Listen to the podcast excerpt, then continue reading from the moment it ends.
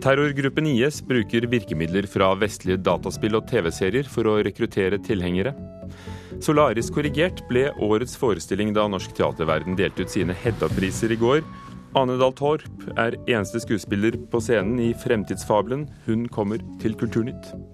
Regjeringen vil trekke kunstnere til Svalbard, og en ny utstilling viser Nikolai Astrup som en moderne og ikke minst internasjonal kunstner, sier vår kritiker her i Nyhetsmorgen. Som vi har hørt i Nyhetsmorgen i dag, gjerningsmannen som drepte minst 50 under skytingen på en bar i Orlando i USA, påberopte seg ifølge vitner tilhørighet til terrororganisasjonen IS. Og IS låner virkemidler fra dataspill og vestlige TV-serier for å rekruttere bl.a. barnesoldater på internett. I en av flere nye videoer vises bl.a. et barn som henretter fanger, fortalt på en måte vi kan kjenne igjen fra skytespill. Politiets sikkerhetstjeneste sier terrorgruppen bevisst bruker et formspråk som både barn og unge lett kan kjenne seg igjen i. Vi er da i en skolesituasjon. Noen barn sitter og leser Koranen. Disse er jo fra seks, sju, åtte, ni år. Filmskaper Stefan Fallbakken har kommet over nok en video fra terroristene i IS.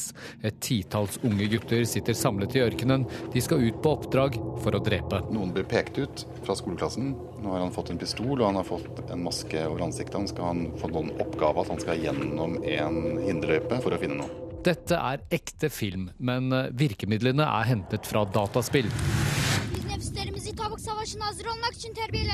Barna fremstilles som modige og eventyrlystne helter når de beveger seg i det gulbrune klippelandskapet på jakt etter fienden. Voksne menn som allerede ligger fanget, bundet og klare for å drepes. Der fant han offeret sitt. Ingen av de små barna ser ut til å grue seg før de skyter. Dette har en uh, appell til ungdom som gjør at jeg kanskje blir nysgjerrig og syns at dette her er kult, dette her er spennende. Det sier Jon Fitje Hoffmann, som er fagdirektør for analyse i Politiets sikkerhetstjeneste. De aller fleste ungdommer har jo en kritisk uh, tenkning, men sammenlignet med mange andre terrorgrupper, så har IS vært veldig dyktige til å appellere til ungdom ved hjelp av språk og symbol som ungdom kjenner seg igjen i. Jon Cato Lorentzen er tidligere spilljournalist og jobber i det norske spillselskapet Krillbite. Han sier at IS driver svært avansert propaganda, bl.a. ved å manipulere kjente dataspill. Du har jo masse spill med, med krigstematikk som de da kan vri på, eller ta opp video og klippe og lage litt sånn historier som bygger opp under budskapet du vil sende ut. Er det sånn du forstår at de på en måte bruker Vestens teknikker mot USA? Ja, de snur liksom på speilet på et vis. De tar jo ting som vi i Vesten har laga underholdning av kampen mot terror, og de tar liksom den underholdninga tilbake og bruker det til sin egen propaganda. Jon Cato Lorentzen i spillselskapet Krillbite til reporter Daniel Eriksen, og så hørte vi også vår reporter Petter Sommer. Vi hørte om det i Dagsnytt, et litografi av Edvard Munch av motivet Skrik skal på auksjon i London og kan uh, selges for uh, opptil 14 millioner kroner, uh, 1 million pund. Eirin Venås Sivertsen, reporter her i Kulturnytt, hvor kommer dette trykket fra? Dette skriktrykket stammer fra samlingen til Munch-samler Olaf Skau, og priser til mellom 800 000 og 1,2 millioner pund, som tilsvarer mellom 9,4 og 14,1 millioner kroner. Det skriver Dagens Næringsliv i dag. Dette trykket har aldri vært på auksjon tidligere, men nå havner det altså under hammeren på Sotheby's kveldsauksjon i London 21.6. Trykkene til Edvard Munch har jo ofte mm, satt auksjonsrekorder internasjonalt. Rekorden for et skriktrykk ble satt hos nettopp Sotheby's i New York i 2012. Da var prislappen på 2,4 Unnskyld, 2,4 millioner dollar, eller 17 millioner kroner. Og Det er altså et, et trykk som er nesten identisk med dette som skal nå auksjoneres bort i London. Og så er det jo altså da visstnok verdens mest kjente motiv, skrik. Den danske dikteren Yahya Hassan er igjen i nyhetene.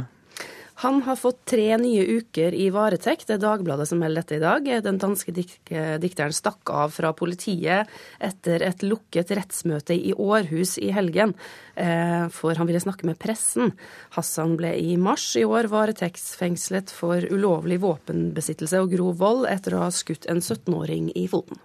Så skriver Aftenposten i dag om en tidligere NRK-topp som satser på en TV-kanal, og hold deg fast, fordi over 40 år Dem er det han vil satse på, og det skal handle om kultur, og Stein Roger Bull er mannen, og det skal bli lansering allerede over nyttår.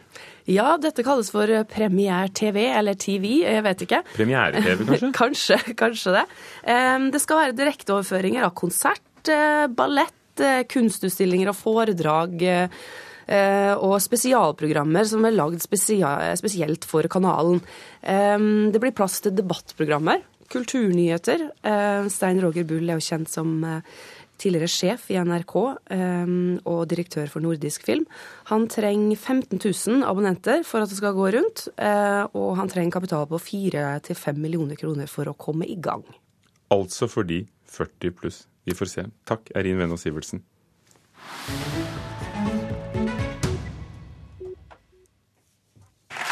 Tusen, tusen takk. Um, ja. Eh, Solarisk korrigert har vært uh, et stort uh, eventyr for livet. Og det var en Det er jo sånn at jo mer, jo liksom større jobben er, og jo mer den på en måte koster av arbeid og nerver, jo større kan jo også liksom den uttellinga, personlige uttellinga man får med å gjøre det, være. Og vi ble jo bare enige om, jeg og Sjur, at vi må bare det her, nå må vi bare nyte det.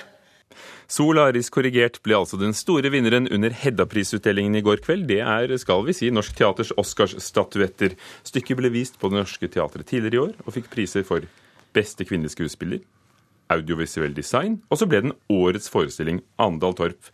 Du hørte deg selv her. Ja. Gratulerer. Takk skal du ha. Det var en kald avrivning å høre det der. Men, uh... Hva betyr det for deg, som er eneste skuespiller på scenen, mm. at den forestillingen som, som, du og Sjur Miljeteig, som er uh, mannen din også, mm. har bygd opp Han lagde audiovisuell design, ja, han lagde musikken, altså. Det er kort og godt musikk. ja. Og Per Peres Øyene hadde regi. Hva betyr ja. det at dere fikk tre priser? Nei, Det betyr uh, Det er utrolig hyggelig. Uh, og det, jeg tror på en måte det er mange andre mennesker som det betyr uh, egentlig like mye for som meg, for det ble liksom et veldig sånn Man sier ofte at ja, et kollektivt samarbeid, men det her, det her var virkelig det. Eh, og det, det, er jo en, som jeg, som jeg sa i talen, at det er, det er, en opplevelse for livet, det der. Og da å liksom kunne ha med seg det sånn Når jeg skal skryte av til barnebarna Nei, så fikk han jo tre Hedda-priser. Det er så veldig sånn eh, Det har liksom virkelig forseglet det som noe som var utrolig interessant for oss, men også vellykket utad, da. også nesten litt paradoksalt, kanskje, at det som eh, er et veldig langt dikt, skrevet av Øyvind Rimbereid, det kom i 2004, da vakte det veldig stor mm. oppsikt, handler om eh, hvordan vi skal leve når oljen tar slutt. Vi befinner oss i året 2480, og så planlegger vi å bo da under jorden i gamle oljebrønner i, i Nordsjøen. Mm. Hvordan kan det i det hele tatt bli teater? Av noe sånt? Ja, eh, det, det, det, er jo et godt spørsmål. Men det er, jo, det er jo der liksom Eller teatret er et fint sted for liksom Eller en annen virkelighet enn den vi omgir oss med til virkelighet eh, her ute. Og det, det, er det i liksom Øyvind eh, Rimbreids dikt. og da med Da også muligheten i seg for mye musikk, som vi da har brukt liksom til fulle med mannen min Sjur Miljøteigs fantastiske musikk. så, så det ble en slags sånn derre teater, konsert, performance-aktig eh, opplevelse. Det er noe som jeg har lyst til å bringe videre nå, så nå driver vi og lager, eh, skal lage radioteater av det. Når kommer det i, i radioen? Jeg vet ikke når det kommer, men vi planlegger å gå i opptak i august. Språket. Mm. Hva er det? Eh, det er rimbereitsk. Det er satt sammen av språkene rundt Nordsjøen. Så det er en blanding av norsk, engelsk tysk, nederlandsk, litt sånn uh, forskjellige språk. La oss høre.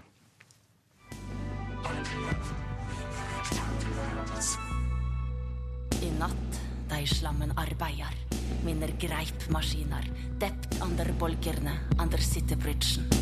Self-organizing, repairing hydropipes with simple eight-funksjon For det rare er at det går jo an å forstå. Ja, Det var veldig morsomt, fordi jeg tror eh, folk lærer seg det i løpet av de første mm, det er litt forskjellig. Noen, noen veldig smarte mennesker syns det er utrolig vanskelig, mens noen som ikke pleier å bruke hodet så mye, kommer ut og sier 'jeg skjønte alt helt fra start'. Eh, men mm, eh, sånn, i gjennomsnitt så tror jeg folk brukte omtrent ti minutter på å liksom lære seg språket. Hvor lang tid brukte du? Jeg brukte kanskje, kanskje noe tilsvarende i lesetid, for jeg leste det jo da. Eller først, mitt første møte med det var en leseropplevelse, og da startet jeg så tenkte jeg at dette blir tungt. Men plutselig så kunne jeg det. Eh, men det var jo, derfra så var det jo et spørsmål å finne ut hvordan, hvordan man skulle uttale det fra det som sto på papiret. Eh, så det var en veldig morsom jobb. du snakket Andal Torp, om teatret som et, et, annet rom hvor du kan vise frem dette. Men du er eneste skuespiller. Mm. Og, og, og, hvordan blir det handling? Hvordan ja. blir det spennende? Ja, det Det, eh, det er, det er det For det er det jo tydeligvis blitt, siden det har blitt årets forestilling, ja. og du har blitt årets skuespiller, kvinnelig skuespiller. Vi har jo laget en slags dramaturgi i liksom eh, Det er jo da opprinnelig et dikt eh, som jeg i samarbeid med Per Peres Øyan klippet, klippet litt til, så det fikk en mer sånn teatral Eh, eller i hvert fall for oss en slags dramaturgi som kunne fungere på scenen. Um, så det var jo da en handling der. Uh, og med en spenning i det her med å vite at dette her er en av de siste dagene dette mennesket er oppe på jorden. Nå skal jeg snart ned. Ja. Takk. Takk. Andal Torp, vi venter på radioteaterversjonen som kommer senere over sommeren. Karin Frøsland Nystøl, vår teaterkritiker eh, her i NRK. Hva sier denne prisen om Andal Torp, som vi akkurat hørte? Ja, Det befester jo hennes posisjon som en av de store kvinnelige skuespillerne som vi har nå. Det er jo ingen tvil om det. Forrige gang hun fikk den for beste kvinnelige hovedrolle, var i 2012. Eh, og det er jo ikke så lenge siden. Men som eh, Andal Torp òg sa her nå, så er det en det er en forskjell eh, på denne prisen og den forrige. For denne gangen så har hun vært med å utvikla rollen sjøl og utvikla konseptet og vært tungt inne. Forrige rolle hun fikk prisen for, var, var rollen som til i Det gode mennesket fra Setsuan av Bertolt Brecht. Og det er en annen type rolle enn den hun har gjort nå. Men det er, og det er litt viktig for meg å si, det kan jo kanskje virke som at, eh, at, vi ikke har så mange gode kvinnelige skuespillere, siden hun får den prisen to ganger på så kort tid. Og det er ikke sant. For rundt Andal Torp så står det mange sterke og viljesterke kvinnelige skuespillere som er klare for å vitalisere norsk teater. Så bare vent, det er mange der ute. Beste mannlige skuespiller ble Kåre Conradi i rollen som Rikard 3. på Nationaltheatret. Ja, og det var fullt fortjent. Han gjør en fantastisk innsats. Og jeg tror at Kjersti Horn sin regi har vært med å bringe fram noe i Kåre Konradi som, som, var med på å gi han denne prisen. For han var i veldig godt selskap eh, med Andreas Stoltenberg Ranerud og Henrik Mestad som de to andre nominerte. Du har jo sett så å si alle disse forestillingene, Karin Frøsland Ystøl. Eh, I hvert fall alle disse vi har snakket om. Hva forteller årets Hedda-priser om norsk teater? Først og fremst så syns jeg det forteller at uh, vågestykket belønnes. Og det er en litt viktig ting. Både Vår ære, vår makt, som er satt opp ved Den nasjonale scenen i Bergen, og Solaris korrigert fikk tre uh, priser hver ut av de elleve som ble levert ut. Og uh, dette med vågestykket, som jeg ofte etterlyser i norsk teater, det handler om å, å tørre å satse på noe som kanskje ikke blir en suksess. Um, å tørre å bomme, og bomme med integriteten i behold. Og det motet har både Vår ære, vår makt, Solaris korrigert, og òg Doppler, som var nominert i tre kategorier den òg. Den ble vist ved Trøndelag Teater, men den fikk ingen pris. Men alle disse tre stykkene her er et tydelig bevis på at man må våge noe for å, for å fortjene en Hedda-pris. Men hva var det som gledet deg mest? Ja, Det som gleder meg aller mest, eh, tror jeg faktisk var at det samiske nasjonalteatret Beivars fikk, eh, fikk prisen for eh, særlig kunstnerisk innsats. Stykket Vidas Extremas er en slags kulturfusjon mellom Sápmi, det, eh, det, samiske landområdet, og Guatemala, der det er beatboxing, og det er joik, og det er maya-ritualer som forenes i en eksplosjon av en forestilling. Og ekstra stas er det at Beivars får det fordi de jobber så hardt der oppe. De har jobba siden 2005 med å få et eget teaterbygg, og har aldri blitt tilgodesett på nasjonalbudsjettet, heller ikke i det reviderte som kom nå nettopp. Eh, de holder til i Kautokeino kulturhus, som er mugginfisert, og de må avlyse forestillinger og alt. Så dette er en pris som, er, som virkelig jeg syns er fortjent. Karin Frøsland Nystøl, vi får ikke nevnt alle, Nei. men det kan folk lese på nrk.no kultur. Takk. Klokken er 18 eh, minutter over åtte. dører på Nyhetsmorgen i NRK. Overskrifter. Massedrapsmannen i Orlando i USA sa at han støttet terrorgruppen IS før han begynte å skyte, ifølge vitner. Men det er uklart om det er noen forbindelse mellom terrorgruppen og gjerningsmannen. Mange nordmenn lider av jodmangel. Og Jernbaneverket unnlot å rette opp en av feilene som ble avdekket etter togulykken på Sjusjøya i Oslo i 2010, da tre mennesker døde. Det skriver Dagens Næringsliv i dag.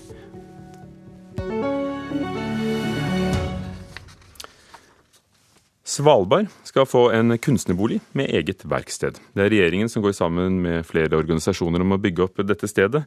Både norske kunstnere og kunstnere fra andre land skal kunne bo og arbeide der i kortere eller lengre perioder. Kulturminister Linda Hofstad Helleland tror dette blir et uh, viktig løft for kulturlivet på øya.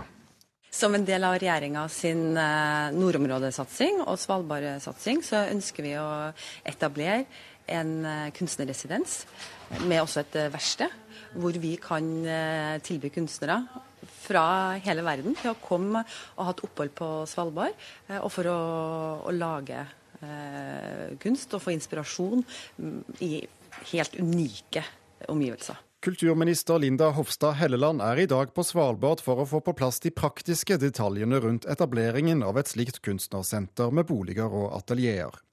Det er Kulturdepartementet som har tatt initiativet til det som blir en egen stiftelse. Samarbeidspartnere er Nordnorsk kunstmuseum, Office for Contemporary Art og stiftelsen Dronning Sonjas kunstnerstipend, i tillegg til lokalstyret i Longyearbyen og Sysselmannen. Et av målene er å gi Svalbard flere ben å stå på når gruvedriften fases ut.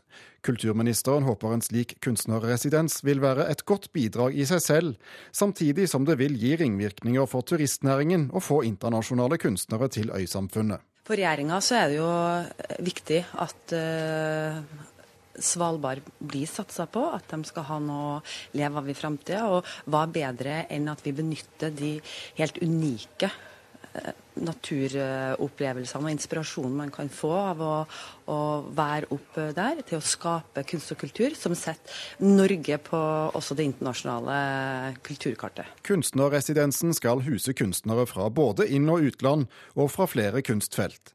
Kultursjef i lokalstyret i Longyearbyen, Unn Martinsen, er sikker på at det blir en berikelse. Politikerne våre i lokalstyret bruker 10 millioner kroner i året på kultur. Så eh, vi er veldig glad for at eh, det kommer eh, andre aktiviteter som kan supplere og som kan, kan gjøre kultursektoren enda mer attraktiv i Longyearbyen. Nordnorsk kunstmuseum etablerte i fjor en filial i Longyearbyen, og ser kunstnerresidensen som en naturlig forlengelse av aktiviteten sin der. Direktør Jeremy McGowan, som selv er fra veltempererte Nord-Carolina i USA, tror det blir en smal sak å lokke utlendinger til Arktis. Det er et stort interesse internasjonalt i nordområdene, ikke bare Svalbard, eh, som gjør det relativt lett å kunne involvere folk. Når man tar kontakt og vil jobbe med folk som, som sitter i andre verdensdeler, det er på en måte relativt lett å, å få de sa Jeremy McGowan, som er direktør på Nordnorsk kunstmuseum. Og denne kunstnerboligen vil eh, trolig komme opp og stå i Longyearbyen i begynnelsen av neste år. Reporter Thomas Alvarstein Ove. Rio de Janeiro i Brasil har fått eh, et kulturelt flaggskip foran eh, de olympiske sommerlekene som åpner om drøyt 50 dager. Og det heter Museet for morgendagen, ble åpnet for et halvår siden, og allerede har mer enn en halv million mennesker vært innom. Det handler ikke bare om OL, men også om Rios fremtid som by.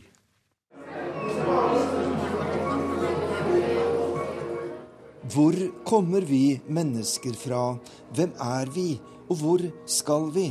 Det er store spørsmål som stilles i Museo do Amanhã, museet for morgendagen, her i Rio de Janeiro. Kunst og vitenskap smelter sammen i det nye museet. Økologi, forbruk og bærekraft er sentrale temaer, og vi bombarderes med fakta og foruroligende fremtidsutsikter fra enorme TV-skjermer. De siste 50 årene har vi endret kloden mer enn i resten av menneskehetens historie, får vi vite. Dette er et fantastisk museum, mener Norges generalkonsul her i Rio, Sissel Hodne Steen. Det virker som det ikke er bare jeg som syns det er helt fantastisk, for her er det fullt med folk. Og det er folk som er entusiastiske, og det er folk som trekker til seg av inntrykk, både visuelle og lyder.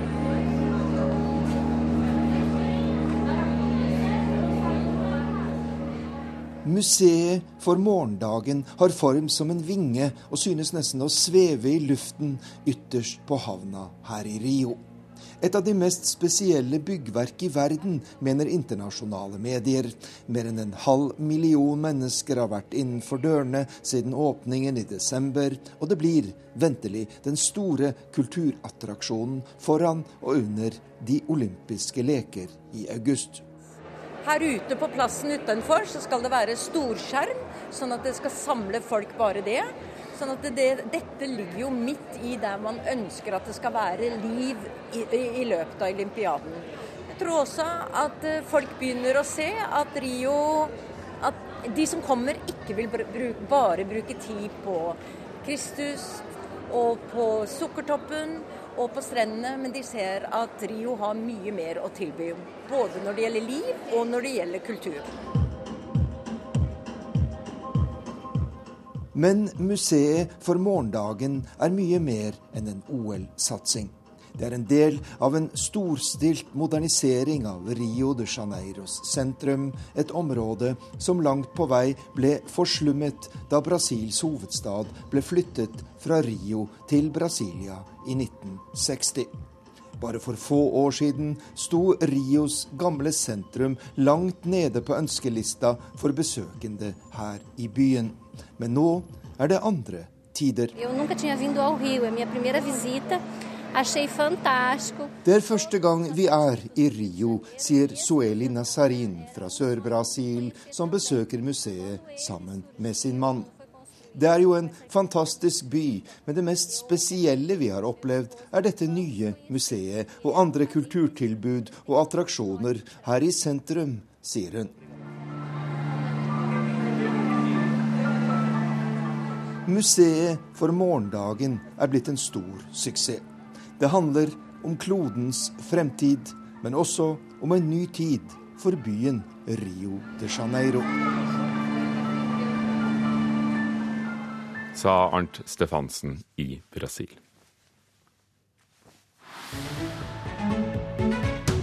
Nikolai Astrup skulle vært like kjent som Munch, men verden har glemt ham, skrev britiske The Guardian da en stor utstilling med og om Nikolai Astrup åpnet i London tidligere i år.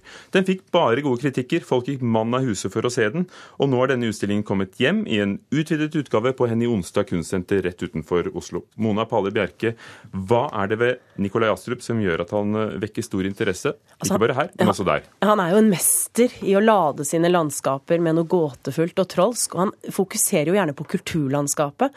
Han har jo malt utallige versjoner av utsynet fra sin egen gård i Ølster, over åker og eng, blomster blomstrende frukttrær, blomstrende rabarbraplanter, eh, ripsbusker. Og så utover fjorden, og så ser vi fjellene i bakgrunnen, alltid med evige, disse evige rennene av sne. Og så er han jo veldig kjent for sankthansbålet, det er jo kanskje det folk kjenner han best for. Og i utstillingen finner vi en stor avdeling med mange av disse bildene av det veldige bålet i havgapet, med skikkelser som danser og leker rundt. Og dette er faktisk et trist minne for Astrup selv, for han fikk ikke lov av sin strenge prestefar å delta i dette, som ble oppfattet som en da hedensk og syndig skikk.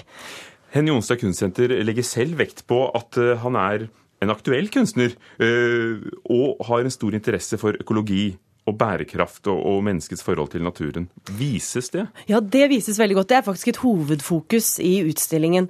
Man understreker hans dype interesse for planter, ikke bare da som en begeistret skildrer av vegetasjon, men også som en som odlet frem ulike planter i sin hage.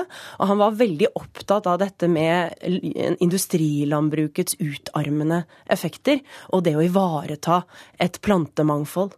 Eh, sånn at dette har man gjort som utgangspunkt da, for å skape en forbindelse til samtidskunsten, og har da invitert en håndfull samtidskunstnere til nettopp å beskjeftige seg med bærekraft og økologi og plantemangfold. Gi oss et eksempel. Ja, Vi har en kunstnergruppe som heter Future Farmers, og Martin Lundberg, som har eh, skapt et performativt performance-prosjekt hvor de skal sende noen oldtidsfrø i, som, i en Kolinatsjer-skøyte som en da flytende, et flytende frøhvelv fra Oslo til Midtøsten. Det er jo tilbake til jordbrukets opprinnelsessted.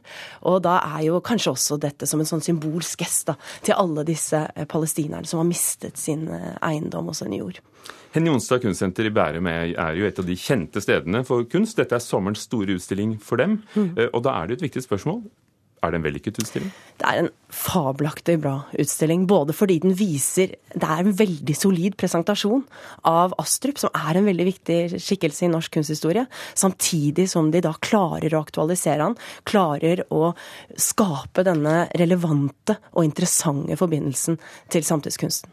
Hvor stor plass har samtidskunsten i forhold til eh, det som viser seg altså, Nikolai Astrups egne verk? Det er helt klart at Astrup fyller mesteparten av utstillingen, men at det er en flott og stor og interessant avdeling eh, helt på slutten der. Takk skal du ha, Mona Palle Bjerke. Nikolai Astrup, Norske landskap vises på Henny Onsdag kunstsenter i Bærum til 11. september. I Kulturnytt i dag har vi hørt at eh, terrorgruppen IS bruker virkemidler fra vestlige dataspill og TV-serier for å rekruttere sine tilhengere. Og vi har snakket om Hedda-prisene. Alle prisene kan du selvfølgelig lese om på nrk.no kultur. Andal Torp var her og snakket om Solaris korrigert. Hun ble årets kvinnelige skuespiller, og forestillingen ble kåret til årets forestilling under utdelingen i går. Mens, eh, mens eh, Rikard 3. og Kåre Conradi ble årets mannlige skuespiller. Lisa Stokke var produsent, Ugo Fermariello programleder, her i Kulturnytt i Nyhetsmorgen.